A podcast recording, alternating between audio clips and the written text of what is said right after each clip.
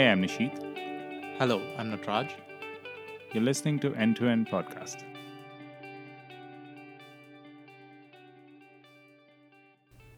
I've been looking at your Twitter account recently and I came I found this tweet interesting where you said beauty lies in the eyes of the beholder and value lies in the eyes of the investor.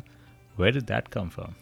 Well, that came from uh, WeWork's uh, valuation story that unfolded in the last couple of months. Uh, and just to, if you just look at the valuation of WeWork at the time it was filing S1, and based on how much funding it raised in the last round in the private markets, which was it was valued around 46 billion, and I think now uh, the talk around at what price they'll go to IPO is around 10 billion somewhere, and the tweet says it all. Like the value lies in the eyes of the investor, just like the beauty lies in the eyes of the beholder.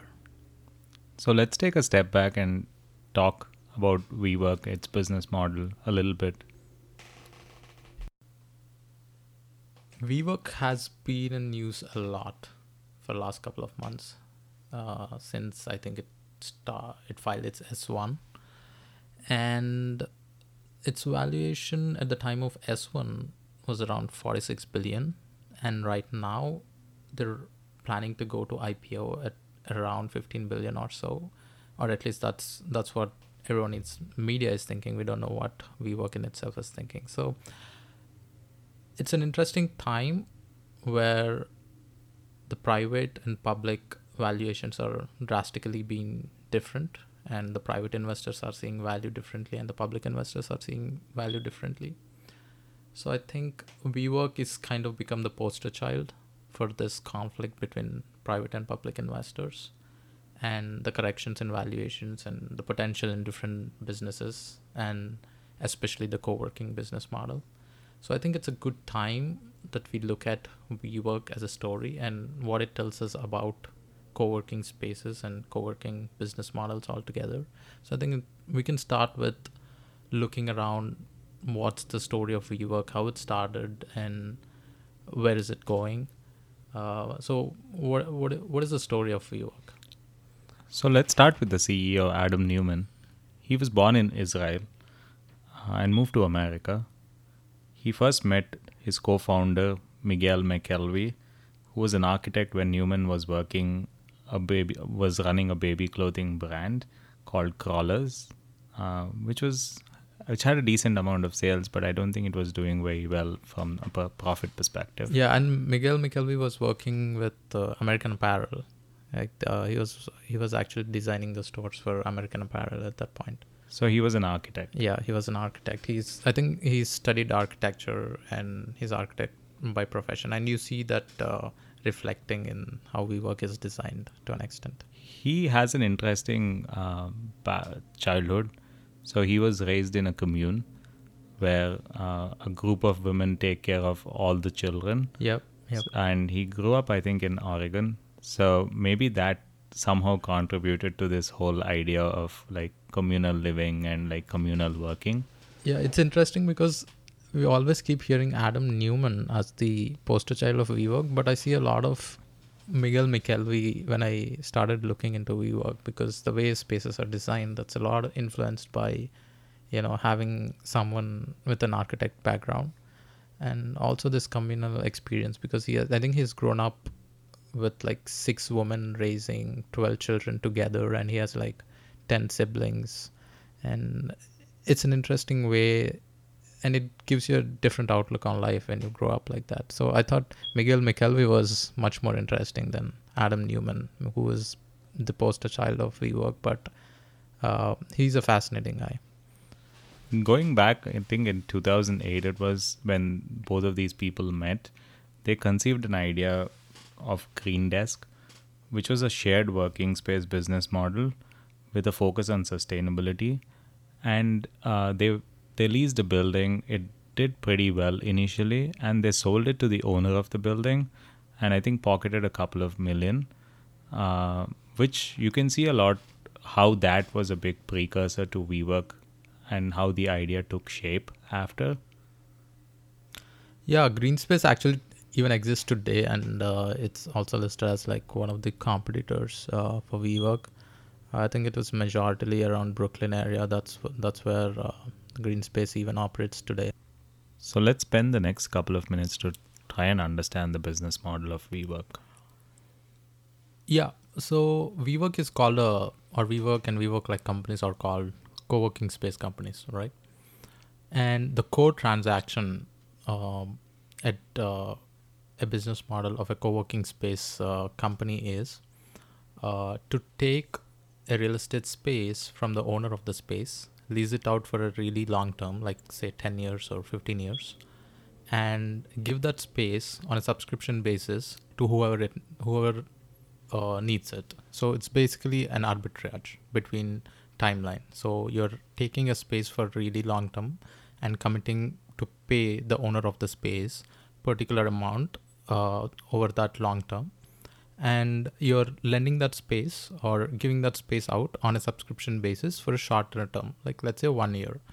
So if you're a startup or a company or a 10 to 12 company who needs a space to work but you don't have enough capital to actually go and build out your own workspace uh, a good idea would be you take a subscription uh, from WeWork company uh, for your 10 people. Either it can be a cabin or and you have a different types of offerings right? You can either take a 12 person cabin or you can take some open space and or you can take a completely isolated office uh, space which is dedicated to your own company and this is the essential core transaction that is uh, at the heart of any co-working space business model that are following the path of WeWork right? So in this model, WeWork is not actually owning any real estate, but it's leasing out over long term, and it is giving on a subscription basis to whoever needs the working space. Either it can be individual creators or a company of ten to twelve, or a larger company even like Google or a Microsoft or an Amazon.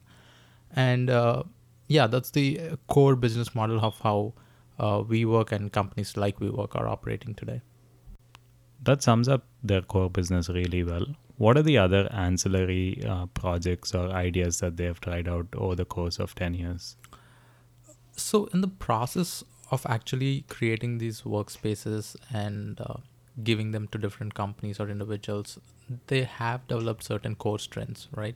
They've now accumulated a good expertise of designing the spaces. Like if you give them any random space, they're they've become good at how to design those spaces to efficiently use their spaces for different kind of needs whether it to be an individual who just wants to sit there and work on his laptop on an open space or whether it's someone who's looking for a cabin for their uh, uh, it's a single person cabin or if they're uh, designing a space for a team of five people. So you give any space they've become good at designing this space for office work especially.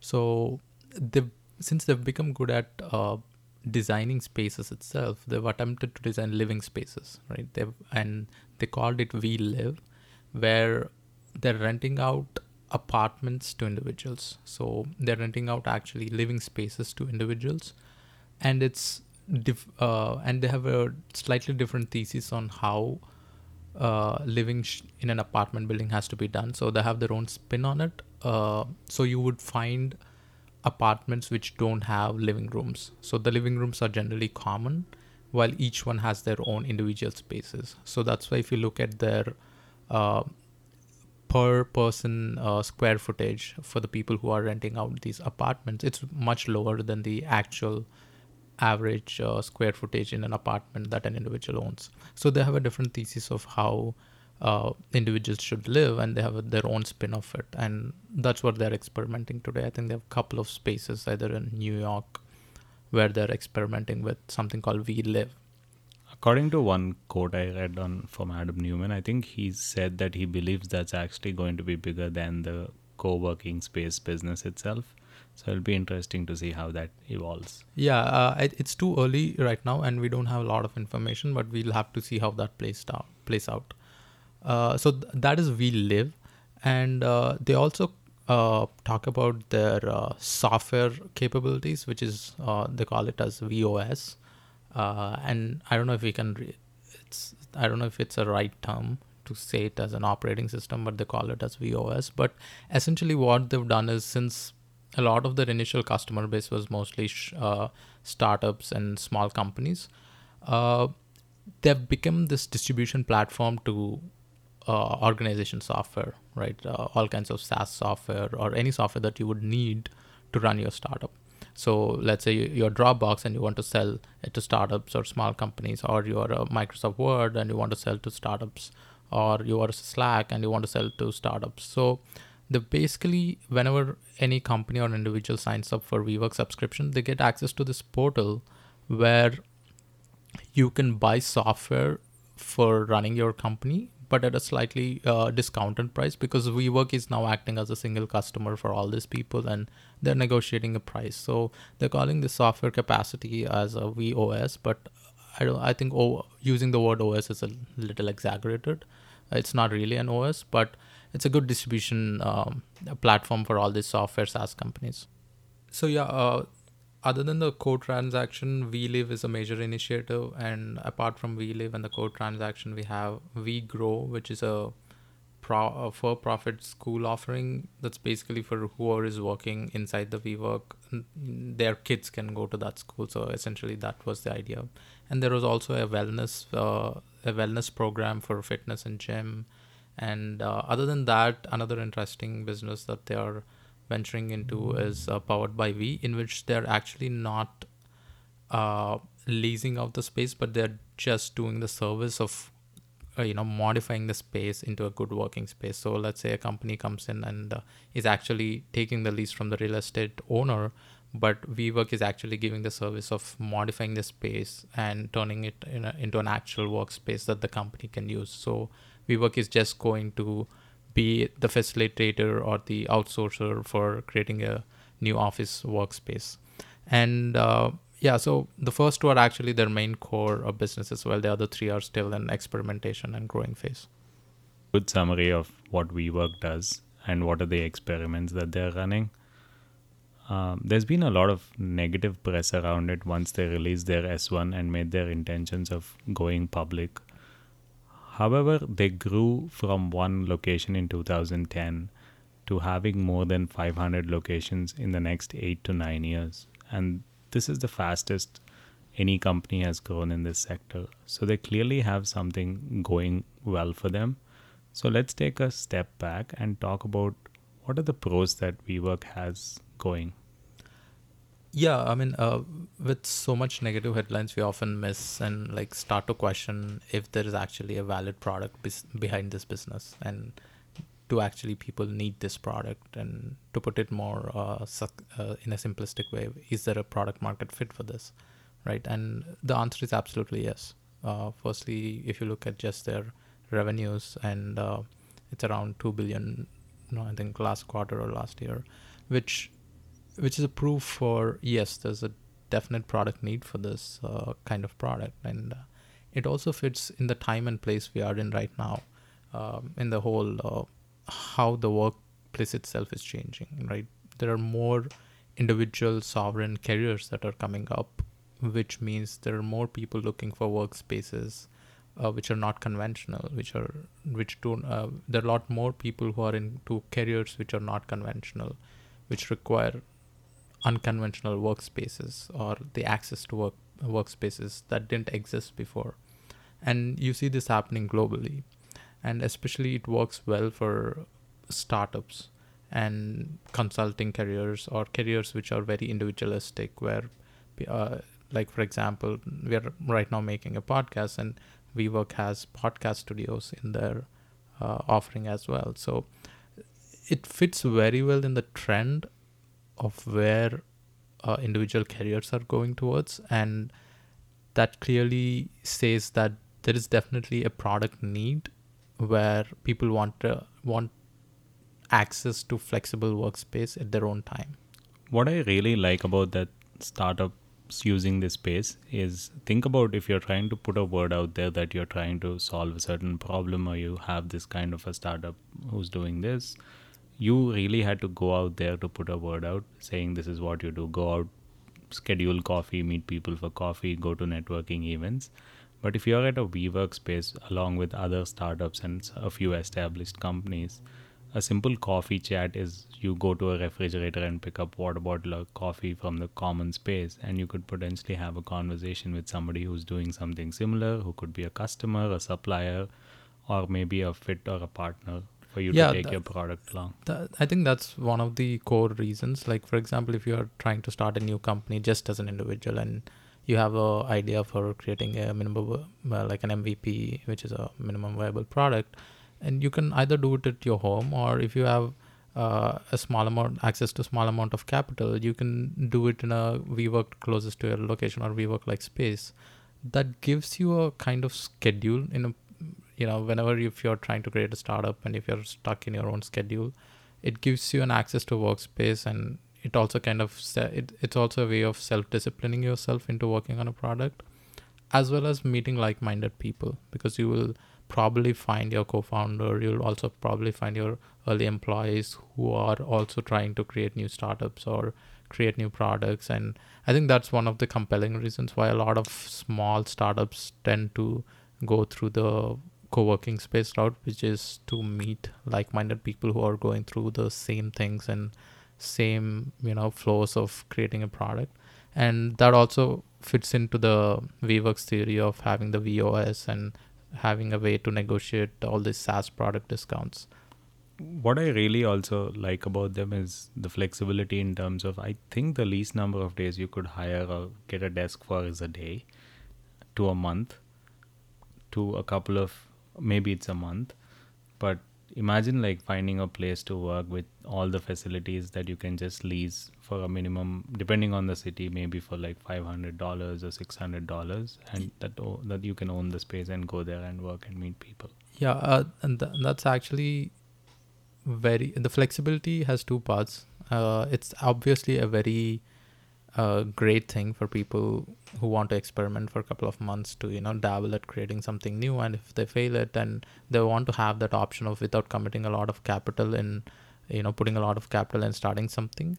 So it gives individuals that flexibility to start something with really low capital investment but i feel that it can be more flexible actually because let's say if someone is already having a full-time job and he just wants to work on on the weekends on a particular project i think they should offer a weekend pass where you are working on the weekends so i i, I try to look out for any companies that are offering or co-working companies that are offering a weekend pass and i think there are in some parts of the world but i think WeWork can do a better job of offering just the WeWork passes, uh, sorry, we weekend passes, and I think that's increase in flexibility. I think is something WeWork can still improve upon, or like co-working space companies still improve upon, because at the end of the day, these companies are basically improving uh, the efficiency in utilizing a resource. In this case, the resource being the real estate, right? Uh, so if you provide more flexibility, that means you're increasing the efficiency with which you're using the resource itself. So maybe you can also take it to a next level of if you are a full-time employee having a day job and you just need a couple of hours to record a podcast or do something else, maybe just like leasing it by the hour or in a certain time of the day or night is also not a bad option. Yeah, definitely. I mean, if you if WeWork could start a music studio and lease it out based on hours, which are which is a valid business today because a lot of music studios or recording studios are lent out on hours, and that's a very costly thing too. So there's a definite opportunity there by by increasing the flexibility and by providing more opportunities because right now WeWork is only like a desk space where people who are working on their laptops are basically using it. But if you can come up with more ideas where you are giving access to new uh, places which were not ac- accessible to individuals like let's say a music recording studio which is like state of the art i think that's a opportunity that is being explored and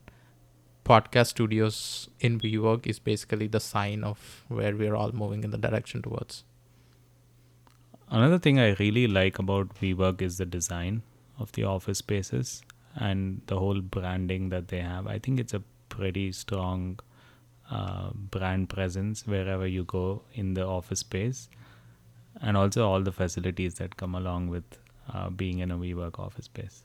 Yeah. So whenever your company's name is used as a verb, that means you have a brand or there's a sense that you can create a brand. So right now we all call any co-working space as a WeWork space. We use WeWork as a definition for a co-working space. So that means WeWork has a strong brand presence across the world, and it's not just in the United States. From from Brazil to India to any part of the world, I think they are now across hundred cities across the world. So they have a strong brand presence, and I think it's that's going to be one of their assets they could leverage. Uh, and I think even uh, we talked about earlier Miguel McKelvey's background of uh, coming from an architecture background. I think that developed. Uh, it, it's a creative voice which actually gave birth to WeWork's brand, is what I feel. And uh, later you see other uh, companies basically imitating WeWork, but to un- to put it in a different way, what WeWork did to me is like provide Google Office as a service. What I mean by this is like if you remember like 10 years back or like 15 years back when workspaces were slightly different, right? Like when Google became public and Google started growing, Google's offices like redefined how how we look at offices. And then came Facebook and then came other companies basically adapted and Silicon Valley adapted and eventually all software companies adapted to it. But if you're a startup and you want to uh, want an office like Google, you go to WeWork. So basically, in that sense, they've discounted the price of what it means to have a good workplace situation. So you they have kombucha on tap and like t- table tennis tables and what else and whatnot. Yeah. So basically, they're doing a Google Office space as a service. I think that's that's what they should call themselves.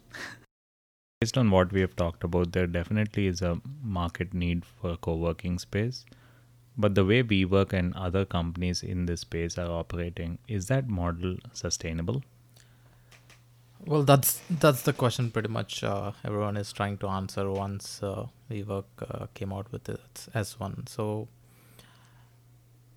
the fundamental business model that co-working spaces uh, are operating under is basically arbitrage between long-term leases and short-term uh, service providing right? So and one of the famous uh, uh real estate investors sam zell said that he invested in such an arbitrage opportunity like WeWork in 1950s and all pretty much all the companies that used this core transaction as their business model have went bankrupt.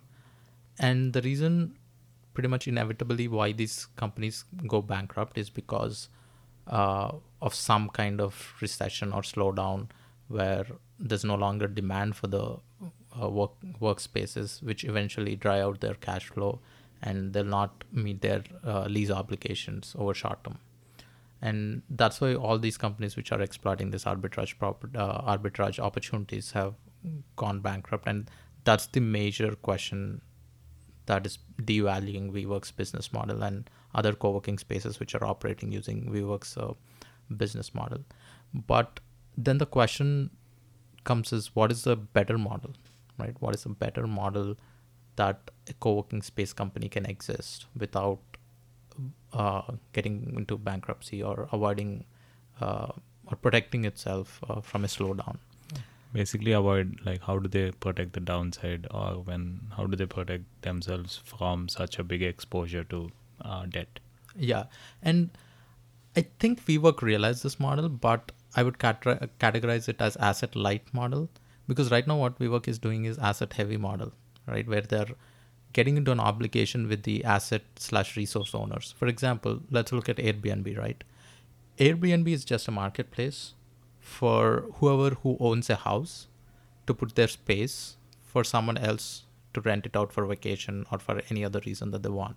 Now, Airbnb is not in contractual uh, obligation in any way with the house owner to pay any short term or long term leases. And that is where I think a successful co working company has to move.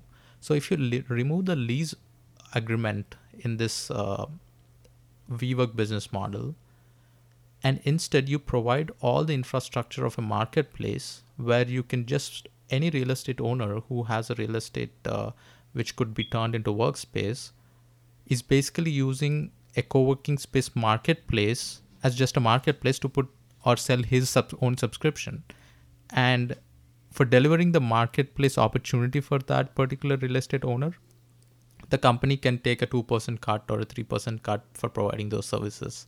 They can still offer the whole subscription uh, of VOS or you know other companies can offer their own subscription of negotiating with other vendors. They can execute multiple opportunities just by going asset light.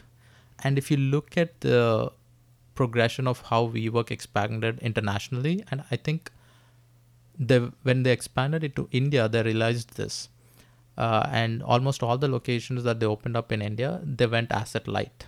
So instead of lease obligations, they entered into partnerships with the real estate companies. So they they've attached their brand and they've helped modify the spaces of those uh, real estate uh, spaces, and eventually they really acted as a one platform for co-working spaces rather than getting into a lease arguments lease agreements with these companies and going asset light versus asset heavy just like how airbnb did for you know regular uh, lodging and vacation rentals i think that is where the whole problem is and i think removing that lease could actually make the business model much better So it's some form of power taking powered by we and putting it on steroids or using that as their main business model and making it available to other real estate companies, not just like big corporate companies who want to use that service. Exactly. A good parallel would actually be uh, uh, Indian startup that is uh, Oyo, uh, which is basically an Airbnb, sort of Airbnb like uh, competitor in India.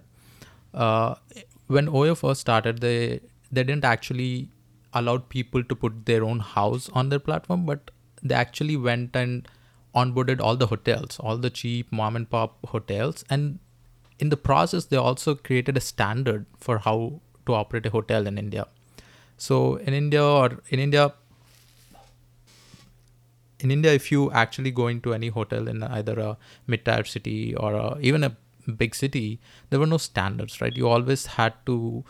It's a hit or miss. You go into a hotel, you're promised something, but you never actually get what is promised. So, in the process of getting the hotels online into a marketplace, they also solved a very crucial problem that you are actually getting the services that you're promised. So they've created a standard for any hotel that is onboarded onto OYO how to operate. And that is where OYO's success lies. So in fact, WeWork should be able to do that instead of doing this, or WeWork or any other co-working space should do that as a business model than the current business model. So by doing that, maybe it will not be a $50 billion company, but it could be a profitable $15 billion company. Maybe it could be exploring other opportunities of managing other spaces other than workspace itself but that makes the business model much more debt free you don't have long term lease obligations and my prediction is that airbnb will try to do this or even oyo might try to do this because oyo in india is already into workspace management right now they acquired a company called uh, Innov8 uh, which was essentially doing the workspace uh, WeWork thing, and uh, they've entered into the workspacing, and they also entered the U.S. markets recently. So, my if I have to predict, Airbnb or Oyo will try to enter the WeWork space in US, and with a model like this, rather than the rather than getting into lease agreements with uh, uh, retail, uh, sorry, real estate owners. They'll try to become a marketplace for workspace, which is actually a better model than the current one because you're not really uh, providing any kind of uh, consider the scale of WeWork, right? WeWork is a is in hundred cities, but how does it? How does the fact that WeWork is in hundred cities help the customer in one city? It really doesn't, right? I think there is a little bit of if you're account if you work uh, in a certain job where you're traveling a lot and you're going to different cities. I think WeWork has the option where with your V membership or community membership, you can just use that to access different V buildings in different cities. So I think there is some version of that. That might not be the primary decision why people go into a WeWork space today or lease it, but that's one thing I think that they have. Yeah. So yeah, that could be an advantage, but I'm still not convinced it is. It it could be an advantage, but the population is so niche who are actually traveling a lot for work, and if you're scaling to a company to be valued at 50 billion, with this particular niche argument saying that this is our strength, I'm still not convinced. But you could definitely argue that, and Airbnb is also doing the same thing, and you can argue that that is the strength of Airbnb. But in Airbnb's case, it makes more sense because travelers are traveling. Like anyone who is traveling is traveling for the sake of traveling. So having a location in multiple tourist locations is a strength for Airbnb. To so scaling globally is a strength to Airbnb. But anyone with two buildings or two apart uh, or two workspaces in any city should be able to do a WeWork like business model.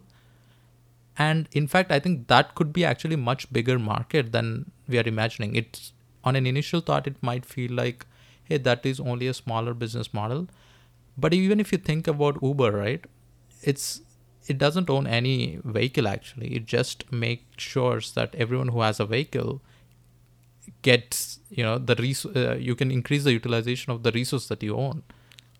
I, I actually think you have a very fair point. It might enable them to scale faster than leasing buildings and trying to rent them out, take a couple of years to turn them around.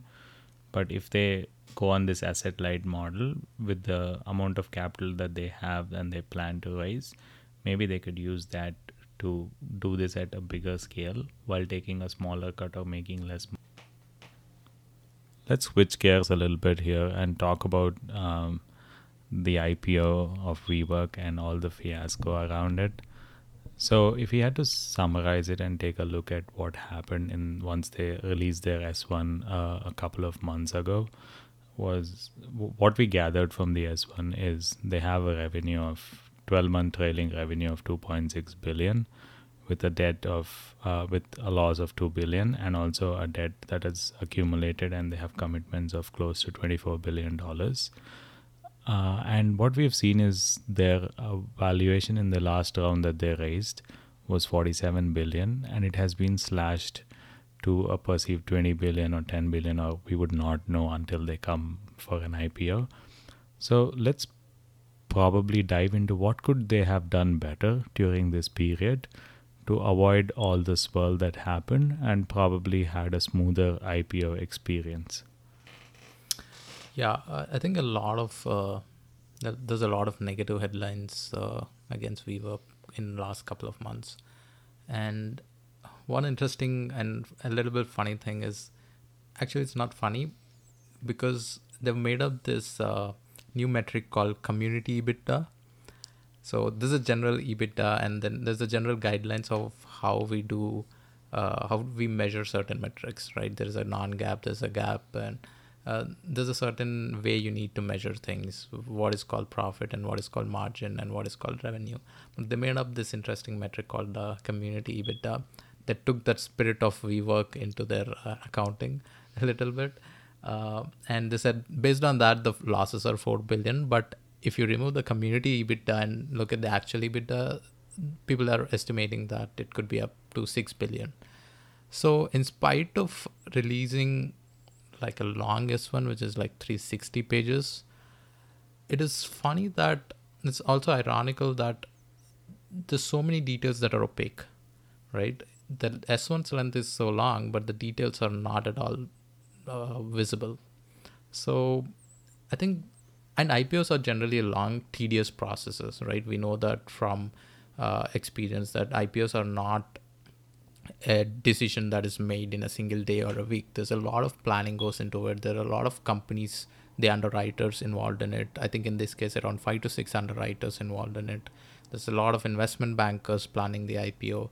So it's a a long, hard process. But I, f- I felt that there's a there's some lack of due diligence on part of all the people involved here because if you look at the recent uh, one of the big tech IPOs that is Uber, we had a similar negative press around Uber, but I think they did a be- I mean comparatively you can argue that Uber did a lot better in terms of doing their due diligence. For example, they've cleaned up their board, they've cleaned up their balance sheet, uh, they've uh, you know they've changed their CEO. All this was preparing for IPO, right? They had a plan in their mind and they've cleaned up things which would not work for a public company, right? And for example, if you look at the uh, ad, uh, look at the issue of Adam Neumann selling the We copyright back to the company We.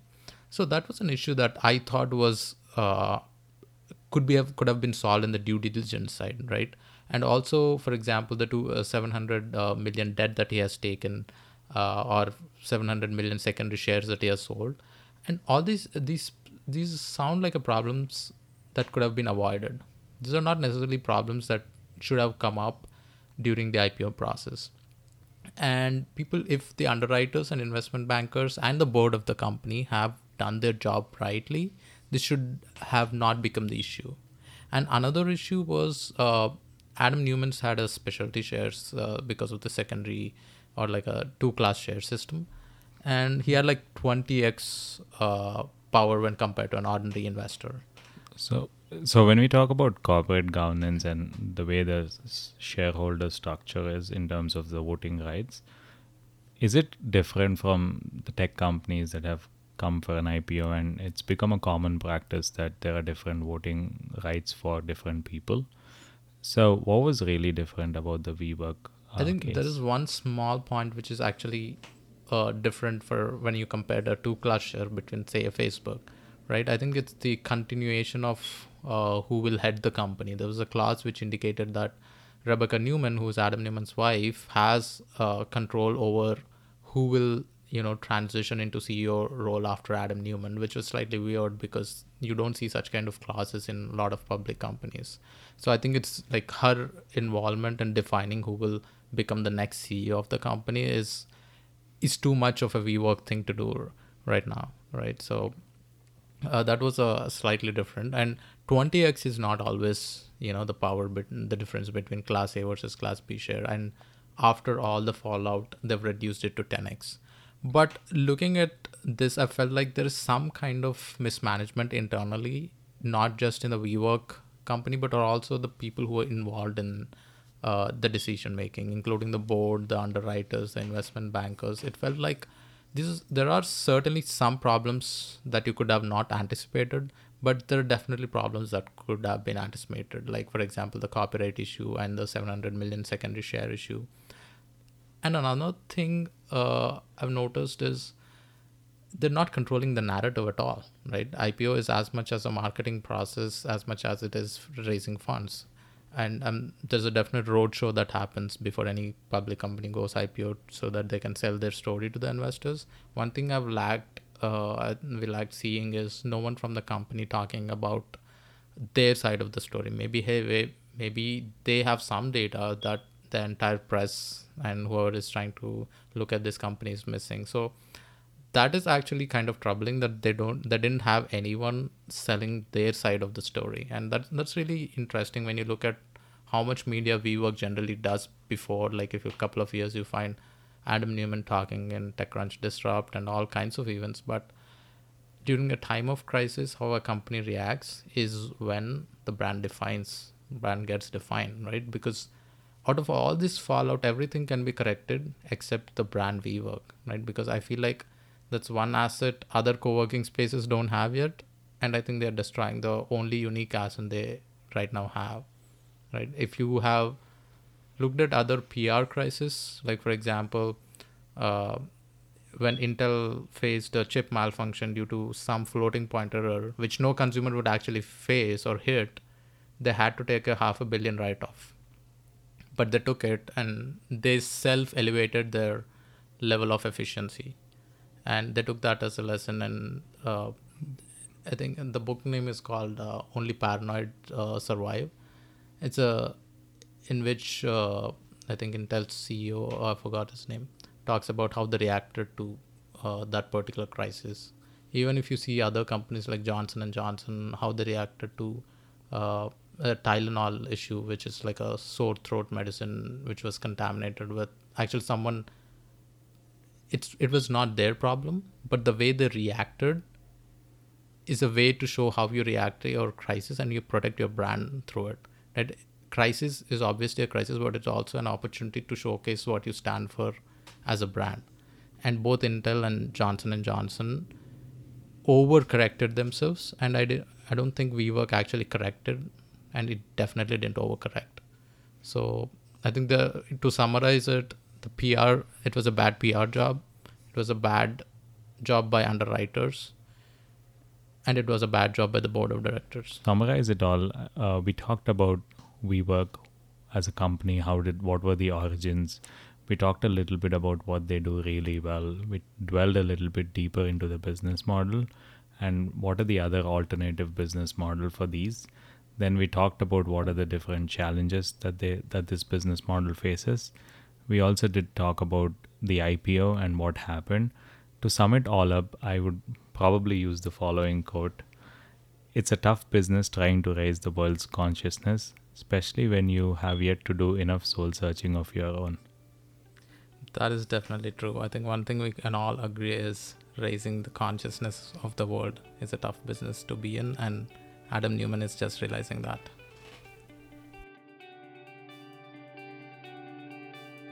Thanks for tuning in today. You can find us on Spotify, Castbox, iTunes, or wherever you get your podcast fix.